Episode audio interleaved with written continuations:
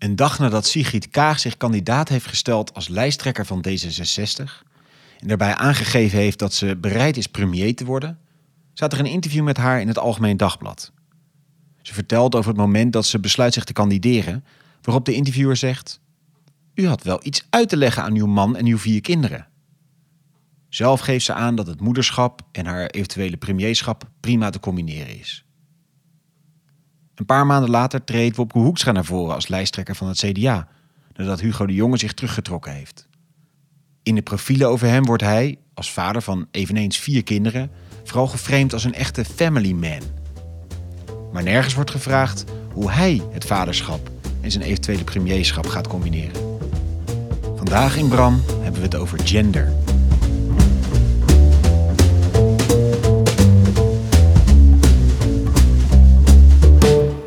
Goed dat je weer luistert naar een nieuwe aflevering van Bram. De podcast die een stapje terug doet van de politieke dagkoers en zich richt op de grootste politieke vragen van dit moment. Daarbij laten we ons inspireren door een Bram die ruim 100 jaar geleden overleed, Abraham Kuyper. Hij was architect van het moderne politieke partijlandschap, waar niet langer de personen, maar de ideeën centraal stonden. Mijn naam is Allard Amelink en tegenover mij zit André Poortman. En André, we gaan het vandaag hebben over gender. Dat klopt. Ehm, we gaan het hebben over hoe dat begrip aan verandering onderhevig is. Want het is nogal een vloeibaar concept geworden, uh, om het zacht uit te drukken. Maar eigenlijk zoomen we deze aflevering vooral in op de man-vrouw verhouding in onze samenleving. En de veranderingen binnen die verhouding van mannen en vrouwen. Um, en ik merk zelf dat om me heen onze tijd enerzijds veel openheid en mogelijkheden biedt. Uh, je hoeft niet per se in het rollenpatroon je leven te leven zoals je ouders en je grootouders dat hebben gedaan. Dat geldt niet alleen voor vrouwen, uh, maar ook voor mannen. Wij mogen ook opnieuw nadenken over hun rol en identiteit. Uh, maar ik merk ook dat het onzekerheid met zich meebrengt. Juist ook bij jonge witte mannen. Uh, bijvoorbeeld als er quota komen, komen wij nogal aan een baan. Hè? Die vraag die hoor je soms. en moeten wij nu boeten als jonge witte mannen voor het feit dat de generaties mannen voor ons zich hebben misdragen? waarom zijn wij daar nu slachtoffer van? nou, kortom, het thema gender is echt een heet hangijzer in onze tijd. We hebben genoeg vragen en ik heb zelf ook wel behoefte aan visie en een wat nuchtere kijk op deze zaken. En wat mij betreft is het heerlijk om al onze vragen vandaag eens aan iemand te kunnen stellen. Ja, precies. En aan wie gaan we die vragen stellen? Nou, aan Joke van Sane, hoogleraar zingeving en leiderschap aan de Universiteit voor Humanistiek. En zij is tevens rector en voorzitter van het college van bestuur. Dankjewel Joke dat we bij jou uh, te gast mogen zijn. Ja, welkom. En mooi dat je in deze podcast bent. Uh, we hebben dus primair over man-vrouw verhoudingen. Maar uh, wat André ook al een beetje zegt, dat, dat hele concept man en vrouw is al natuurlijk aan verandering onderhevig. Wat is nou mannelijk, wat is vrouwelijk? wat bepaalt wat mensen mannelijk en vrouwelijk vinden? Als je kijkt naar onderzoek daarnaar, kunnen we inderdaad spreken over zo die twee typen mannen en vrouwen? Of is dat eigenlijk iets waar we sowieso eigenlijk aan voorbij moeten gaan? Nee, je kunt nog steeds wel spreken van mannelijk en vrouwelijk. Het is niet zo dat dat hele vaste categorieën zijn. Dus dat iedereen of in de categorie vrouwelijk of in de categorie mannelijk valt.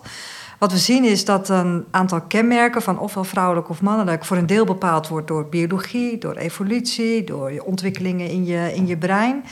En de andere deel is natuurlijk iets wat sociaal-cultureel is. Dus dat verandert, daar zit dynamiek op, daar uh, zit ontwikkeling in. En die twee dingen samen, die vormen het beeld van... nou, dit vinden we mannelijk en dit vinden we vrouwelijk. En, en zijn daar, uh, even om het gewoon wel in de West-Europese context denk te houden... wereldwijd kan natuurlijk verschillend zijn... zijn er dan uh, hele duidelijke kenmerken, inderdaad echt zo in dat culturele zin van te vast te pinnen? Je zegt, ja, dit zijn echt, altijd worden die gezien als mannelijke kenmerken...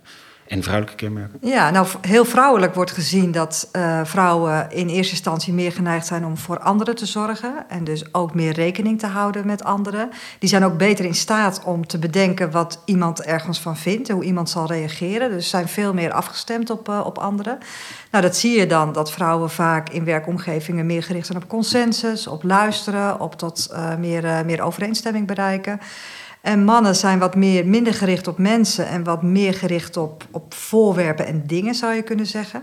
En dat betekent dat ze dus wat sneller resultaat willen boeken, dat ze competitiever zijn, dat ze meer de strijd aangaan, dat ze ook meer gericht zijn op de risico's. Dus dat ze veel eerder kritiek leveren dan dat ze anderen uh, aanmoedigen, omdat ze nu eenmaal veel eerder gericht zijn op, nou, wat is dan het gevaar, wat is het risico?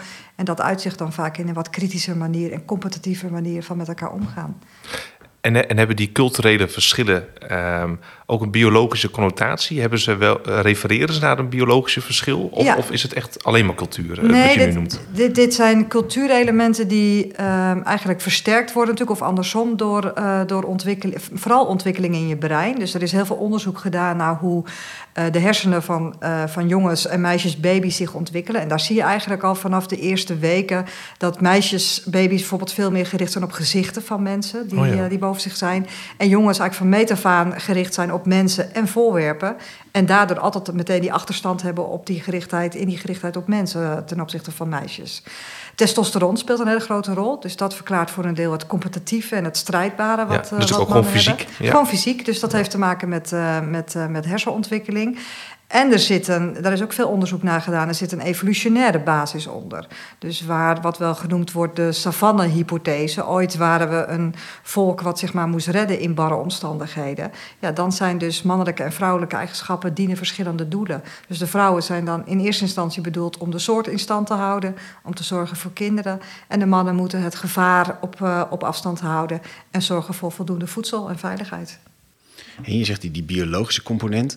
We hebben natuurlijk nu eh, een toenemende eh, verdere eh, ja, vloeibaarheid in, in die genderidentiteiten. Ehm, hoe kan het nou dat de ene man meer voldoet aan dat typische genderbeeld van de man dan de ander? Heeft dat dan met die biologische component te maken? Heeft dat met die culturele component vaak te maken? Wat, wat maakt dat? Nou, dat heeft natuurlijk weer met allebei te maken. Dat, dat, dat is altijd het, eh, het, het, het nare antwoord eh, hier. Ehm, kijk, die biologische verschillen zijn gemiddelde verschillen. Dus dat zijn verschillen die in onderzoek worden gevonden onder grote groepen die dan onderzocht worden. Dus daar zitten altijd heel veel ehm, eh, ja, individuele uitzonderingen in. De een meer dan de ander. Dus dat, dat is geen, ehm, geen, geen kans van 100% dat je aan bepaalde eigenschappen voldoet. Dus dat is één. Van, van, daar zit echt wel veel verschil tussen. Um, het andere is van die elementen zijn dus wel gebaseerd op biologische uh, ontwikkelingen, maar worden versterkt door elementen in de samenleving. En wat we zien in de, in de nou, in ieder geval de moderne westerse en West-Europese samenleving, is dat een aantal van oudsher vrouwelijke eigenschappen, bijvoorbeeld die, dat zorgen voor anderen, het empathische, het luisteren naar anderen, het zoeken naar consensus, wordt veel meer gewaardeerd dan vroeger, veel breder gewaardeerd. En dat betekent dat mannen zich daar dus ook weer aan aanpassen en ook dat graag willen gaan doen om natuurlijk diezelfde waardering daarvoor te krijgen. Dus dat is altijd een samenspel tussen biologisch en cultureel. Ja, duidelijk. In dat culturele vind ik een hele interessante. Daar hebben we misschien een, eh, een beetje een karikaturaal fragment bij, maar misschien interessant om even te horen. Ow! My stomach. Do you suffer from gut agony? And my head. Tension head? Got that bloated feeling? Oh. Inevitable wrinkles? The beginnings of lady moustache? And now you've pissed yourself again? Women, you're leaking, aging, hairy, overweight, and everything hurts. And your children's clothes are filthy. No wonder men long for other, less clammy women. For God's sake, sort yourself out.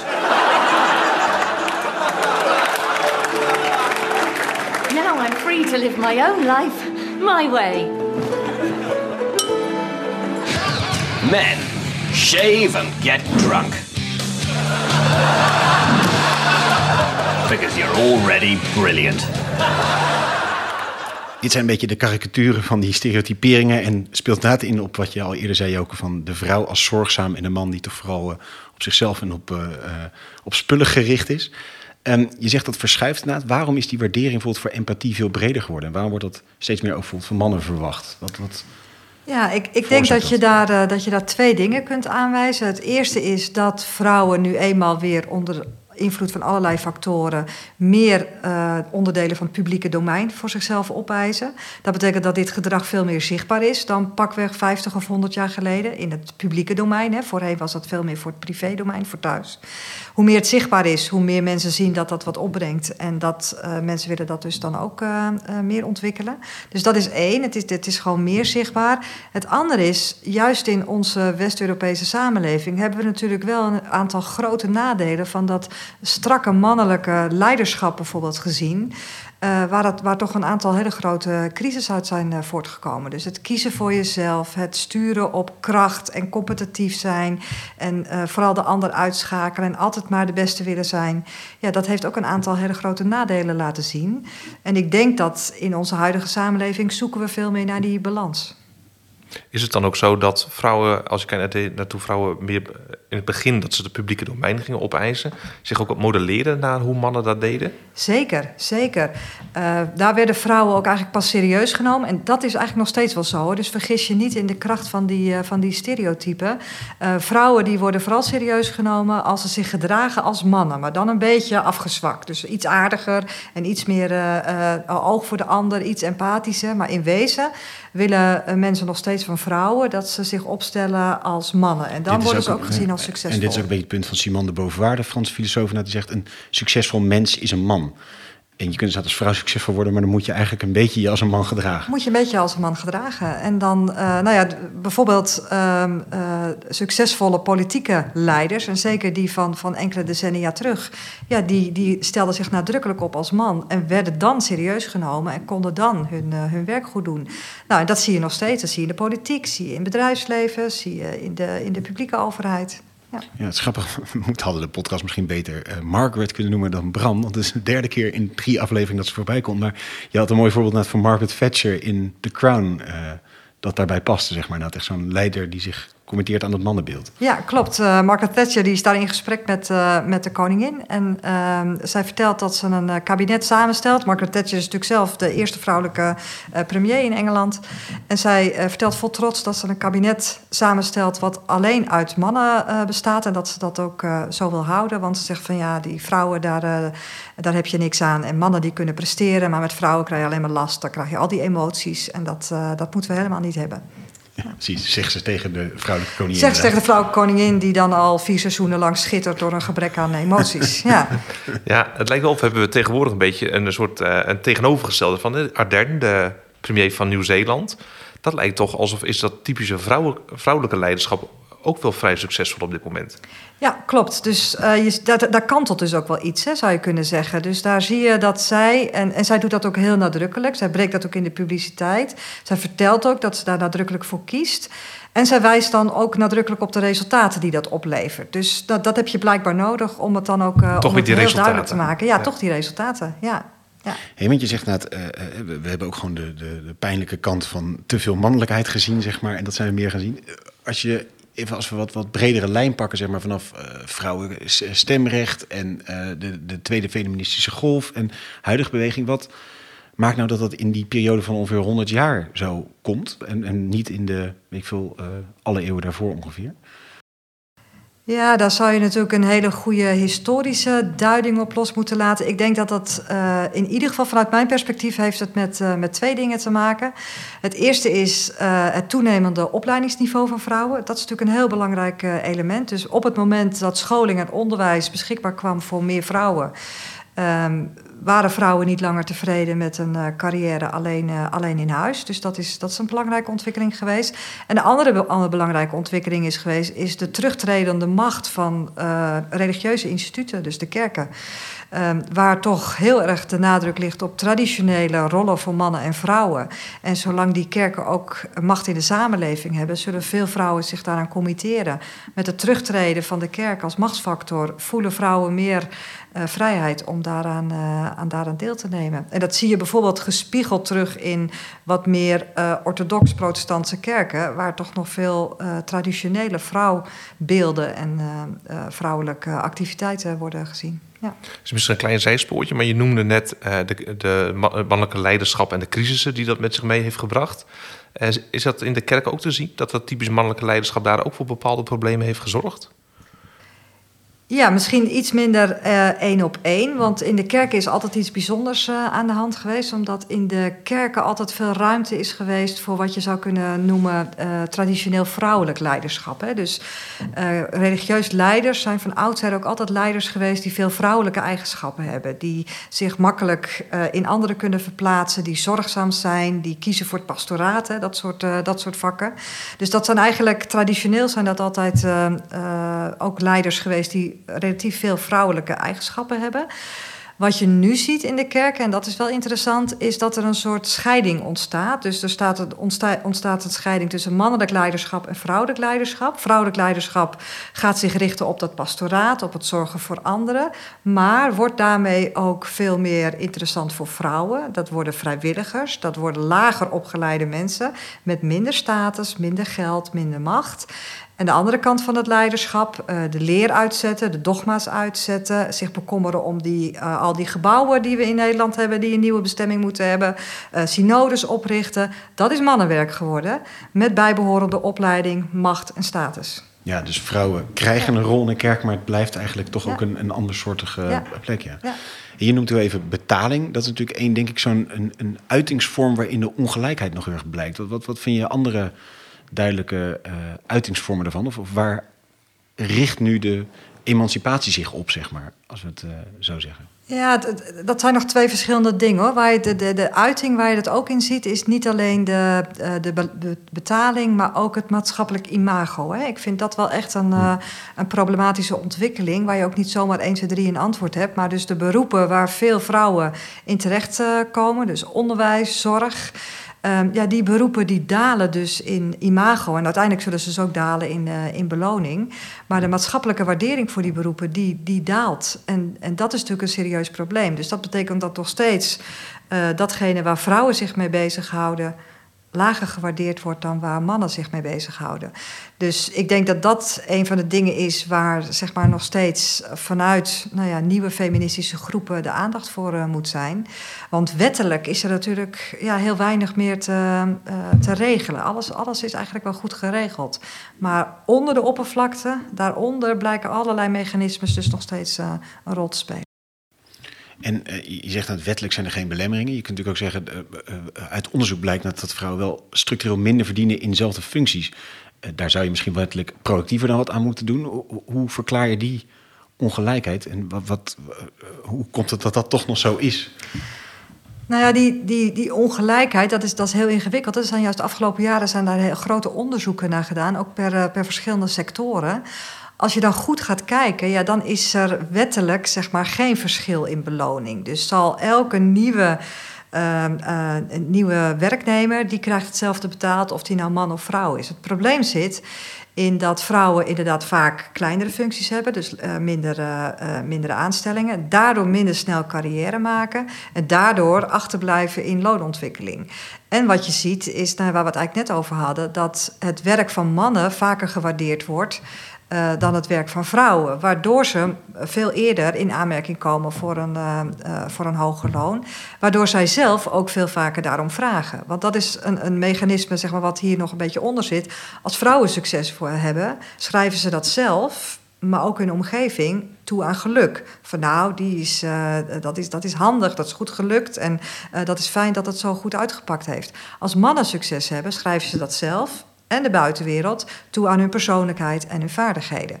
Dus in een werkomgeving kunnen vrouwen succes hebben en dan denkt die, uh, denkt die leidinggevende van nou, dat is een mooi toeval en maar zien of dat de volgende keer nog zo is. Als een man succes heeft, denkt die uh, werkgever, zie wel, we hebben hier een goede binnen, die gaan we nog een setje geven. Ja, dat is misschien in de politiek ook interessant. Dat als een Artern heel succesvol is, zie je toch wel overal een beetje de roep nog om een sterke mannelijke leider in bepaalde groepen van de samenleving. Zeker, zeker.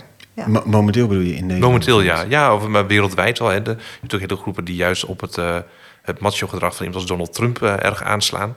Uh, dat, dat, zie je ook bij Nederlandse politiek leiders. Dus in bepaalde groepen die, die lijken te negeren dat vrouwen op een vrouwelijke manier succesvol zijn en blijven toch verlangen naar een sterke man. Ja. Ja, dat, om ons uit de problemen te helpen. Het verlangen naar de sterke man is in deze tijd denk ik ook heel nadrukkelijk te koppelen aan het feit dat we natuurlijk in een crisissituatie zitten. Dus mensen ervaren een crisis. En dat is iets wat uit allerlei onderzoek naar leiderschap naar voren komt. Op het moment dat een crisis zich voordoet, dan vallen mensen terug op als het ware oude mechanismen uit de evolutie. En dan vallen we dus terug op die behoefte aan ook fysiek een sterke man. Hè. Dus dat is de, de reden dat dan vaak mannen naar voren komen die wat langer zijn, die groot zijn, die die gezond eruit eh, die aantrekkelijk zijn. Want dat zijn allemaal mannen waarvan gedacht wordt van nou, die, eh, die kunnen ons vooruit helpen.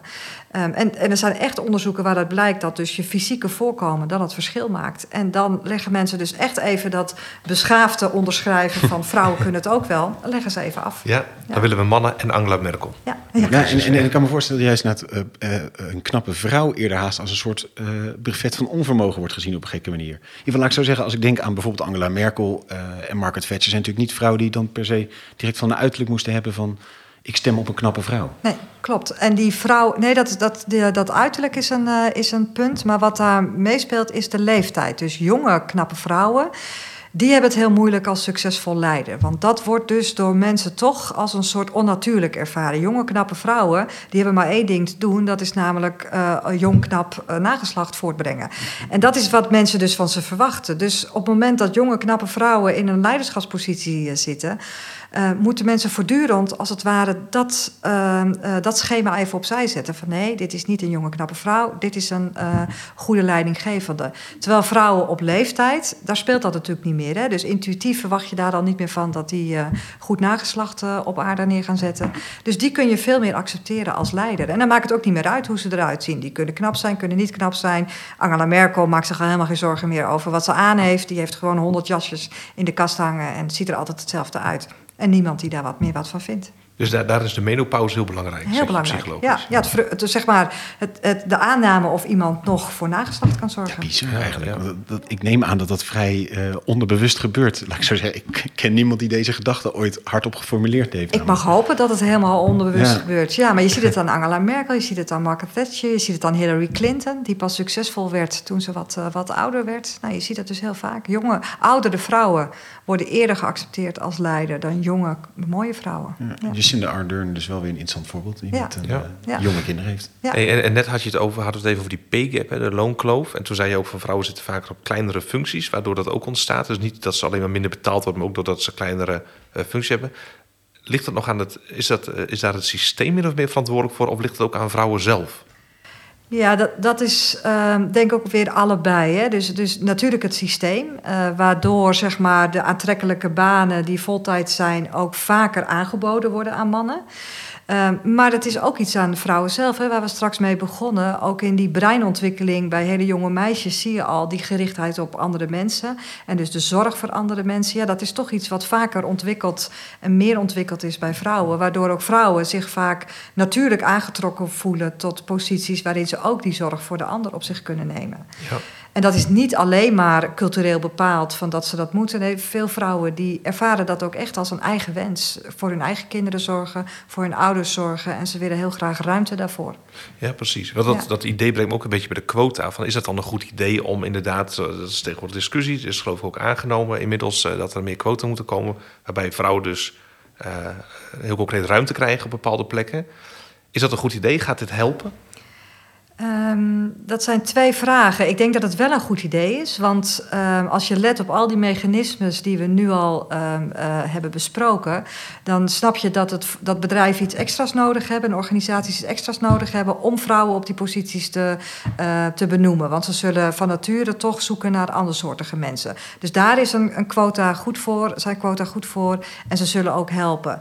Je kunt er niet vrouwen mee dwingen of overhalen om dat eh, werk ook te gaan doen. Omdat daar dus weer die andere kant ook een rol speelt. Dus daar zul je wel aandacht voor moeten hebben. En als je dat, dat zie je ook in de, in de debatten. Op het moment dat je dat wegschuift, bijvoorbeeld in de politiek. Van ja, vrouwen moeten er ook mee ophouden. Die kinderen kunnen wel naar kinderopvang. En we stoppen die bejaarden allemaal in een, eh, in een tehuis.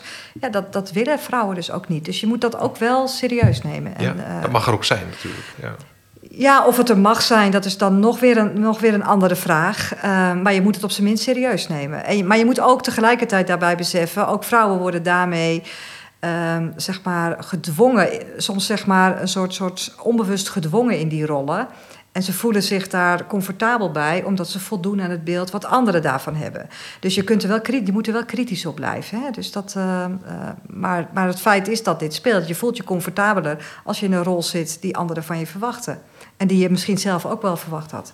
Ja, dus, dus van die quota eh, kunnen iets helpen, maar eh, ja, die pakken natuurlijk niet die grote culturele component eigenlijk aan.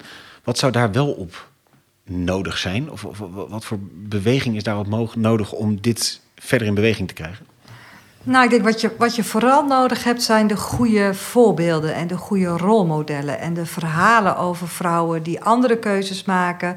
En daar ook echt uh, laten zien hoe ze dat doen, waarom ze dat doen, wat dat oplevert. Uh, en dat is het voorbeeld van uh, de premier van Nieuw-Zeeland. Dat zijn goede voorbeelden, want daarmee laat je zien van wat er wel kan en hoe dat dan eruit ziet.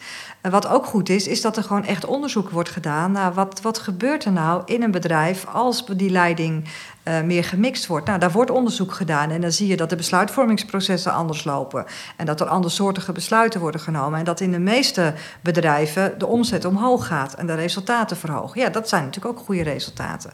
Maar je moet ook blijven kijken van wat gebeurt er dan met vrouwen die andere keuzes maken. Zetten we die allemaal in de bak uh, vergeten of uh, die tellen niet meer mee?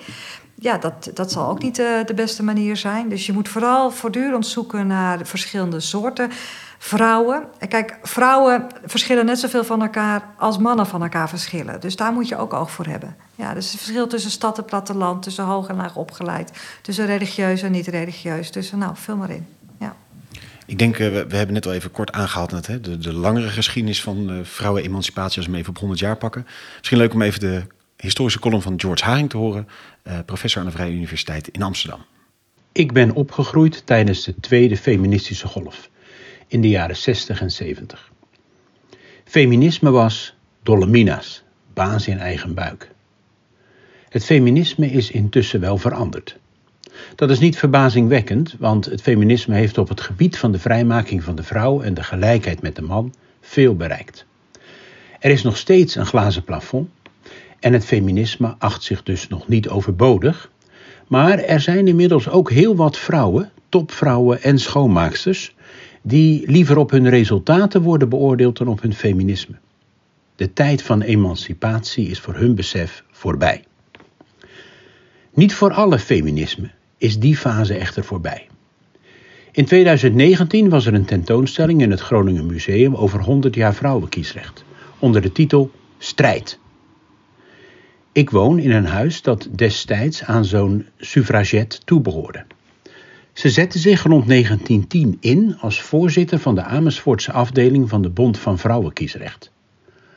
Over haar nadenkend wreef ik me al in mijn handen: strijd! Maar dat viel tegen. Ze behoorde niet tot de militante club van Aletta Jacobs en Wilhelmina Drucker. Haar kiesrechtbond had juist gebroken met hun Nederlandse Vereniging voor Vrouwenkiesrecht, omdat een gematigde politieke koers er niet welkom was. De bond van mijn Amersfoortse vrouwen was voor vrouwenkiesrecht, maar vond wel dat de kennis van vrouwen in zaken politiek en samenleving moest worden bijgespijkerd. Haar bond was ook een beetje deftiger en wel zo gematigd dat ook mannen bestuurslid konden worden. Mijn voorzitster werd niet het boegbeeld van de eerste feministische golf. En een opstandige suffraget was ze ook al niet. Het radicale feminisme is vandaag de norm en zij hoorde dus bij de watjes. De kanon van Nederland maakt ons duidelijk wie wel het echte feminisme representeert. Aletta Jacobs en niemand anders. Ze heeft een eigen venster in de kanon, een persoonlijke status die ze voor de 20e eeuw alleen deelt met Anne Frank, Anton de Kom en Marga Klompé. En als het gaat om de politieke kleur van de beweging, dan komt mijn liberale afdelingsvoorzitter er in de kanon bekaaid af. Want de politieke kleur van het feminisme is daar rood.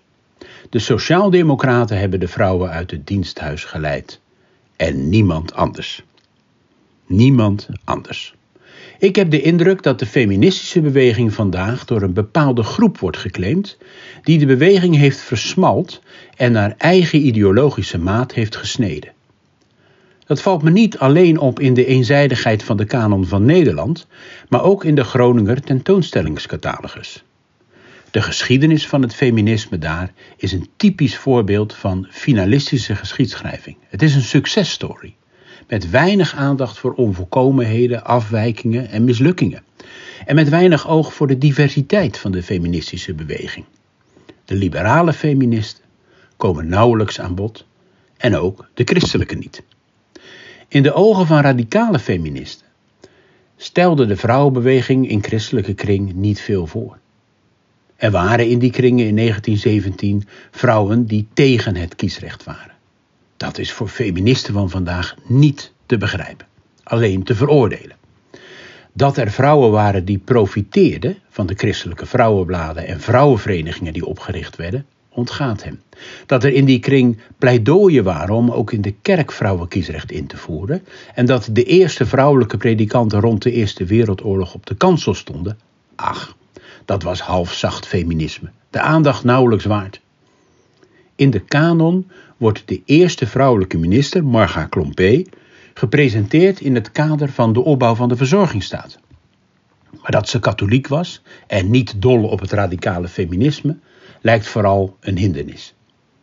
Voor de radicale feministen is alle feminisme buiten hun ideologische blikveld too little, too late. Het wordt tijd dit beeld te dekoloniseren en de kijk op het feminisme van haar radicale koker te ontdoen. Al was het maar voor de vroegere bewoonster van mijn huis. Dat uh, als column van George, uh, het radicale feminisme door de jaren heen en vandaag de ook. Herken je die framing van dat er een radicaal feminisme is? Ja, ik herken het wel, hoewel het ook een beetje een karikatuur is uh, wat hier wordt neergezet. Met name de uh, uitspraak dat radicale feministen vooral op hun feminisme willen beoordeeld worden in plaats van op hun resultaten. Dat is natuurlijk niet waar. Juist ook het, de radicale feministen vanaf het begin, die wilden juist op hun resultaten beoordeeld worden. En die hebben juist voortdurend laten zien dat je als vrouw alles kan doen wat een man kan doen. Kijk maar naar wat er bereikt is en wat er, uh, wat er aan resultaten worden geboekt. Dus daar, dat is, dat is iets te veel een, eh, een karikatuur. Maar verder is dat natuurlijk wel herkenbaar. Feminisme wordt ook in de volksmond en ook wel in meer uh, christelijke kringen heel vaak geassocieerd met een soort heel progressief links denken waar je eigenlijk niks mee te maken wil hebben. Terwijl feminisme als in gelijke kansen voor uh, mannen en vrouwen. En ook oog hebben voor de verschillende invalshoeken die mannen en vrouwen kunnen hebben. En de verschillende wensen die mannen en vrouwen kunnen hebben. Ja, dat wordt natuurlijk wel heel breed gedeeld. Dus in die zin herken ik het wel. Ja. Ja, André, jij bent altijd een groot Obama-fan. Die uh, afficheert zichzelf ook als feminist, toch? Ja, zeker. Dat klopt. Hij, hij introduceert zich ergens, uh, terwijl iedereen hem natuurlijk kent als de man van Michelle Obama. En hij zegt ook van, ik ben misschien wat grijzer geworden, maar dit is hoe feministen er ook uitzien. Uh, maar dat, lijkt me ook kunnen, toch? Dat je als man feminist bent. Of is dat voorbehouden aan vrouwen, Joka? Nee, zeker niet. Ik denk dat dat, heel, uh, dat dat heel goed is dat mannen zich ook feminist noemen. En dan inderdaad in de zin van een groot voorstander van gelijke rechten voor, uh, voor mannen en vrouwen, gelijke kansen voor mannen en vrouwen. En de wens dat iedereen op zijn eigen merites en, en resultaten wordt beoordeeld. Ja, dat is natuurlijk. Uh, en ik denk dat het zeker in een land als Amerika dan ook helpt als iemand als Obama zich dan als feminist uitspreekt. Nou, ja. zeker van niet uit de radicale kamp. Zo kwam ik er net op. Dat hij dus, uh, wat je zegt, de, ja. het hoeft niet altijd aan, aan die kant geassocieerd te worden. Over Obama ging trouwens de, uh, het gerucht dat hij zich in zijn beginjaren als president wat grijzer liet verven. om iets meer als de volwassen en oudere staatsman te kunnen overkomen. Om iets meer gezag te kunnen uitstralen. Ja, bizar. Ja. dus ook daar zit gewoon het onderbewuste speelt ook daar absoluut een rol. Ja. Je noemt inderdaad even de weerstand die het in christelijke kring opnoemt, uh, roept. Uh, feminisme roept ook uh, aversie op in de, in de rechts, nou, tot extreemrechtse hoek. we hebben een, fragment van Eva Vlaardingenbroek, die spreekt op het partijbijeenkomst van Vorm voor Democratie. Dus wat is het nou dat deze feministen drijft? Het feminisme van vandaag de dag is totaal in de ban geraakt van het cultuurmarxisme. Alleen is nu de traditionele klassenstrijd vervangen door een strijd van minderheden en vrouwen tegen een nieuwe onderdrukker. Te weten, de blanke man. Dus wat doe je om zo'n vermeend nieuwe onderdrukker uit de samenleving te verwijderen? Door alle verschillen tussen mannen en vrouwen verdacht te maken of te ontkennen. Hoe invloedrijk deze feministen zijn, dat merken wij trouwens dagelijks. Zoals u weet is, dames en heren, tegenwoordig beste reizigers. Tegenwoordig is maandverband voor vrouwen maandverband voor mensen die menstrueren. En als het aan D66 ligt, dan zijn onze politiebureaus niet langer bemand, maar bemenst. Oh, en heren in de zaal, u weet het hè. Als u een deur openhoudt voor een vrouw, dan bent u volgens de feministen van vandaag een seksist. Ja, het, het doet me ook wat denken aan waar ik mee begon. Van, uh, dat er ook angst is onder witte mannen. Dat, dat, daar appelleert ze ook een beetje aan. Uh, is dat terecht? Uh, A, wat zij stelt. Ik ben wel benieuwd hoe je, hoe je haar, op haar betoog terugkijkt. Maar ook van, moeten witte mannen bang zijn, jonge witte mannen, voor hun plek in de samenleving? Komen wij minder goed aan een baan? Ik zeg wij, omdat ik ook een jonge witte man ben. Maar... Ja, ik denk dat dat laatste, om daar meteen mee, te beginnen, ik denk dat dat laatste wel meevalt. Dus tot zover de, de, de zorgen. Uh, maar ik snap wel dat die angst er leeft. En wat deze partij en ook andere partijen natuurlijk, uh, ook in Amerika zie je dat, haar fijn aanvoelen, is dat die angst er is. En dat dat best een, een groot iets is. En zij uh, benoemen dat. zij probeer daar iets tegenover te stellen. En dat is voor een politieke partij natuurlijk altijd een, eh, een, slimme, een slimme manoeuvre. Ja, het is ook, het D66 wil... Ja, ja. ja wat, wat hier gebeurt is dat inderdaad het feminisme... waar we het net over hadden, helemaal gelijkgesteld wordt met... nou, cultuurmarxistisch wordt het hier genoemd. Nou, dat is een, een andere manier om te zeggen... heel links en heel progressief... en dus het in een bepaalde politieke hoek te duwen. En dan kun je er vervolgens van distancieren. Dus dat is natuurlijk een, een retorische... Uh, het is jargon. Dat is jargon en dat is een, ook een retorische truc die je doet. Um, en tegelijkertijd, wat zij doet als vrouw, is natuurlijk wel heel opvallend. Want zij identificeert zich eigenlijk met die witte mannen. Dus uh, zij uh, zegt: Als je mij in, mijn, in je gelederen opneemt, hoef je daar niet bang voor te zijn. Ik zal niet van je vragen. Ik, ik vind het nog steeds prima als je de deur voor me openhoudt. Uh, van mij mogen gewoon stereotyperingen een rol spelen. want daarmee zegt ze natuurlijk ook wel iets. Ik, ik ben sowieso een ander soort vrouw. Dus, dus ehm, mij kun je, om mij kun je toch niet niet heen. Dus ik zal wel genoeg macht en invloed hebben. En laat die andere vrouwen maar. Dus daar worden van allerlei verborgen boodschappen zitten hier natuurlijk in.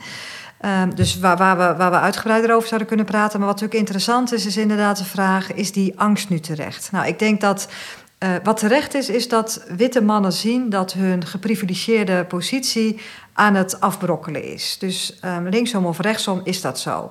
Uh, ze zullen een aantal plekken in de samenleving moeten gaan delen met, met vrouwen, met nieuwkomers, met allerlei andere uh, mensen die nou ja, tot voor 50 jaar geleden niet eens in aanmerking kwamen voor die posities. Dus ja, dat, dat is gewoon een, een simpele waarheid. Die plekken moeten verdeeld worden. Dus heb je minder kans om op die plekken terecht te komen.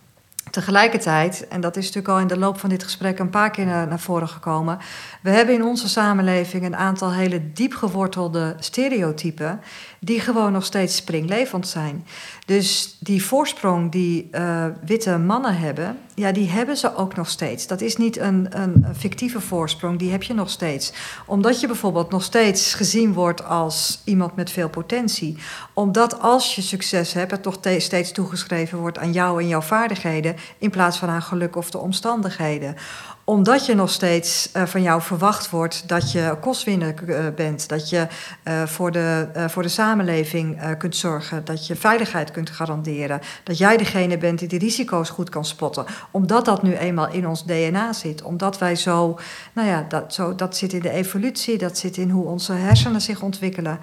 Um, dus die geprivilegeerde uh, positie, ja, die wordt minder. Maar het is niet zo dat die weg is. Nee, die is er nog steeds.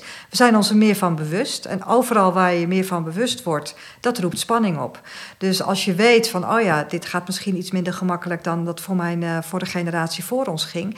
Ja, dan betekent dat je meer moeite moet doen. En meer moeite doen, dat, dat kost even inspanning en dat kost uh, dus ook soms negatieve energie. Maar je hebt nog steeds een enorme voorsprong. Dus in die zin is het, is het geen terecht beeld. En ik vind het interessant dat, dat Eva Vlaarding ook allerlei voorbeelden noemt... waarvan ik nou denk, nou, dat lijkt me nou niet het allerergste. Ik uh, hou zelden de deur open voor mijn vrouw, zou ik heel eerlijk bekennen. Ja, maar je houdt toch ook de deur open voor een man? Als ja, als dat nodig is, precies. Dus dat, die gooi je ook niet in zijn gezicht. Precies. Nee, precies. En, en dat, uh, dat ik als beste reiziger word aangesproken... heb ik ook echt geen enkele moeite mee. Um, eh, toch kunnen we kijken van wat is er wel nodig om die beweging wat verder in te zetten. We noemen net al even quota, we noemen het culturele component. Wat, wat, wat zou werken? Of, of als jij een palet zou mogen samenstellen om toch meer gelijkheid erin te krijgen, wat, wat zou je voorstellen? Nou, wat ik zou willen uh, voorstellen is, is uh, nogmaals, heel belangrijk zijn concrete voorbeelden hè, die, mensen mm -hmm. zich, uh, die mensen kunnen naleven. Dus identiteitsmodellen, dus mensen aan wie je kan spiegelen. Ik kan zeggen van, oh ja, zo kan het ook. Dat is heel belangrijk.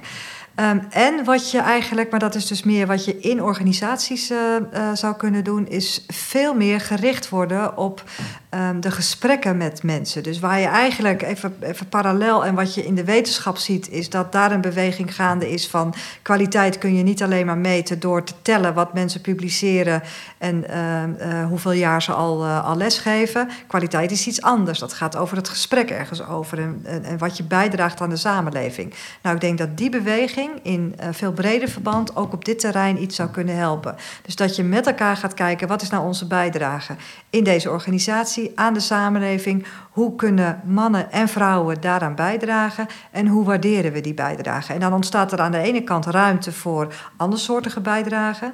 En er ontstaat meer zicht op wat mensen inderdaad daadwerkelijk bijdragen en hoe je dat kunt waarderen. Dus dat gesprek daarover, andere narratieven, zoals dat tegenwoordig zo, uh, zo mooi heet, die zijn heel belangrijk in dit, uh, uh, in dit verband. En niet alleen maar andere quota of andere schalen of andere uh, vinkjes die we, die we zetten. Nee, echt het verhaal daarover. Wat willen mensen? Wat is onze bijdrage aan de samenleving? En hoe waarderen we ook die verschillende eigenschappen? Want alles omzetten naar mannelijke eigenschappen, daar gaat de samenleving aan kapot. Alleen nog maar vrouwelijke eigenschappen waarderen gaat ons ook niet verder helpen. Dus je zult toch altijd die balans moeten zoeken. Maar je moet het daarover gaan hebben met elkaar. En die zou je kunnen zeggen, we zijn er dus nog niet, niet alleen omdat de vrouwen nog niet helemaal op de posities van de mannen zitten, maar ook omdat misschien die reflectie nog niet diep genoeg gegaan ja, is op van ja, uh, hoe, hoe, functioneren we nou als samenleving. Ja, dat denk ik zeker. Want je moet ook, nou, we hadden het straks al over de categorie vrouwen, die ondanks alle quota en mogelijkheden en toch kiest voor nou, bijvoorbeeld uh, om bij de kinderen te blijven, of om een kleine parttime baan te nemen, of voor uh, mantelzorgtaken op zich te nemen. Uh, daar moet het gesprek over gestart worden. Waarom kiezen die vrouwen daarvoor? Maar wat is dan precies hun bijdrage? Wat betekent dat voor anderen? En wat, wat betekent dat voor het imago en het aanzien? Het gesprek daarover, de reflectie over, over die, die zaken. Ja. Ja, interessant. Ik, ik, op het eerste gevoel zijn de eerste twee afleveringen die we hadden over klimaat en uh, marktwerking staan hier heel erg los van. Maar in zekere zin is de overeenkomst nou dat het gaat over van hoe waarderen we de wereld ook in zekere zin. En welke krachten waarderen we in de wereld. En uh, we zeggen telkens we moeten niet terug naar het oude normaal. Maar geldt het eigenlijk dus op dit punt hetzelfde? Moet je het vrouwen naar het oude normaal trekken? Of moeten we zeggen we moeten een betere balans in die, in die waarde vinden? Uh, vind ik interessant. Dus dat, het ja. zit toch eigenlijk ook weer dicht, toch dichter bij elkaar dan we misschien op voorhand uh, zou denken. Uh, en dan praktischer de vraag van wat kunnen wij daaraan doen? André en ik, maar ook de luisteraar. Wat, wat, wat zou je ons adviseren?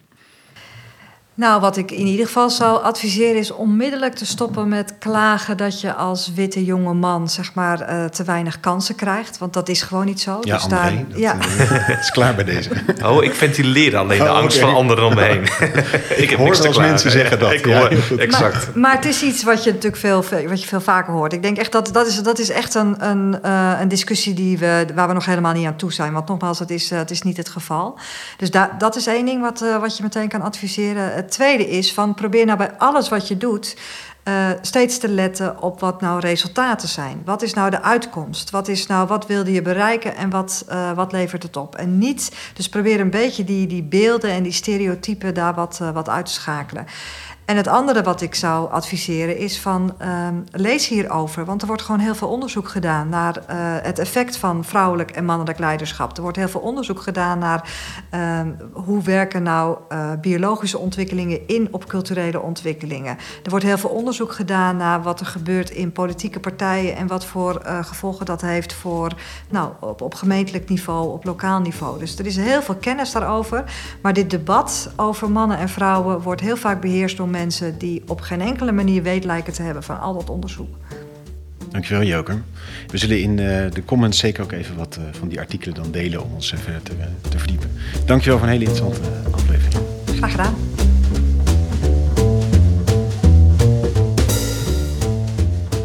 Leuk dat je luisterde naar deze aflevering van Bram. We zijn een tijdje weg geweest, dus extra mooi dat je ons weer hebt weten te vinden. En hopelijk vond je het gesprek met Joke interessant en heeft het je denken weer wat verder gebracht. We zijn benieuwd hoe jij kijkt naar gender. Welke hordes moeten nog worden genomen naar meer gelijkheid tussen man en vrouw? Zie jij gevaren van die toenemende gelijkheid? Wat vind jij van overheidsmaatregelen om dat te stimuleren? En wat vond je van het punt dat Joke maakt dat we vooral ook in ons denken meer gelijkheid moeten hebben tussen man en vrouw? en vrouwelijke kwaliteiten meer moeten waarderen. Laat het weten in de Telegram groep. Je kunt je hiervoor aanmelden via cda.nl/wi. Vergeet je niet te abonneren op de podcast in je podcast-app.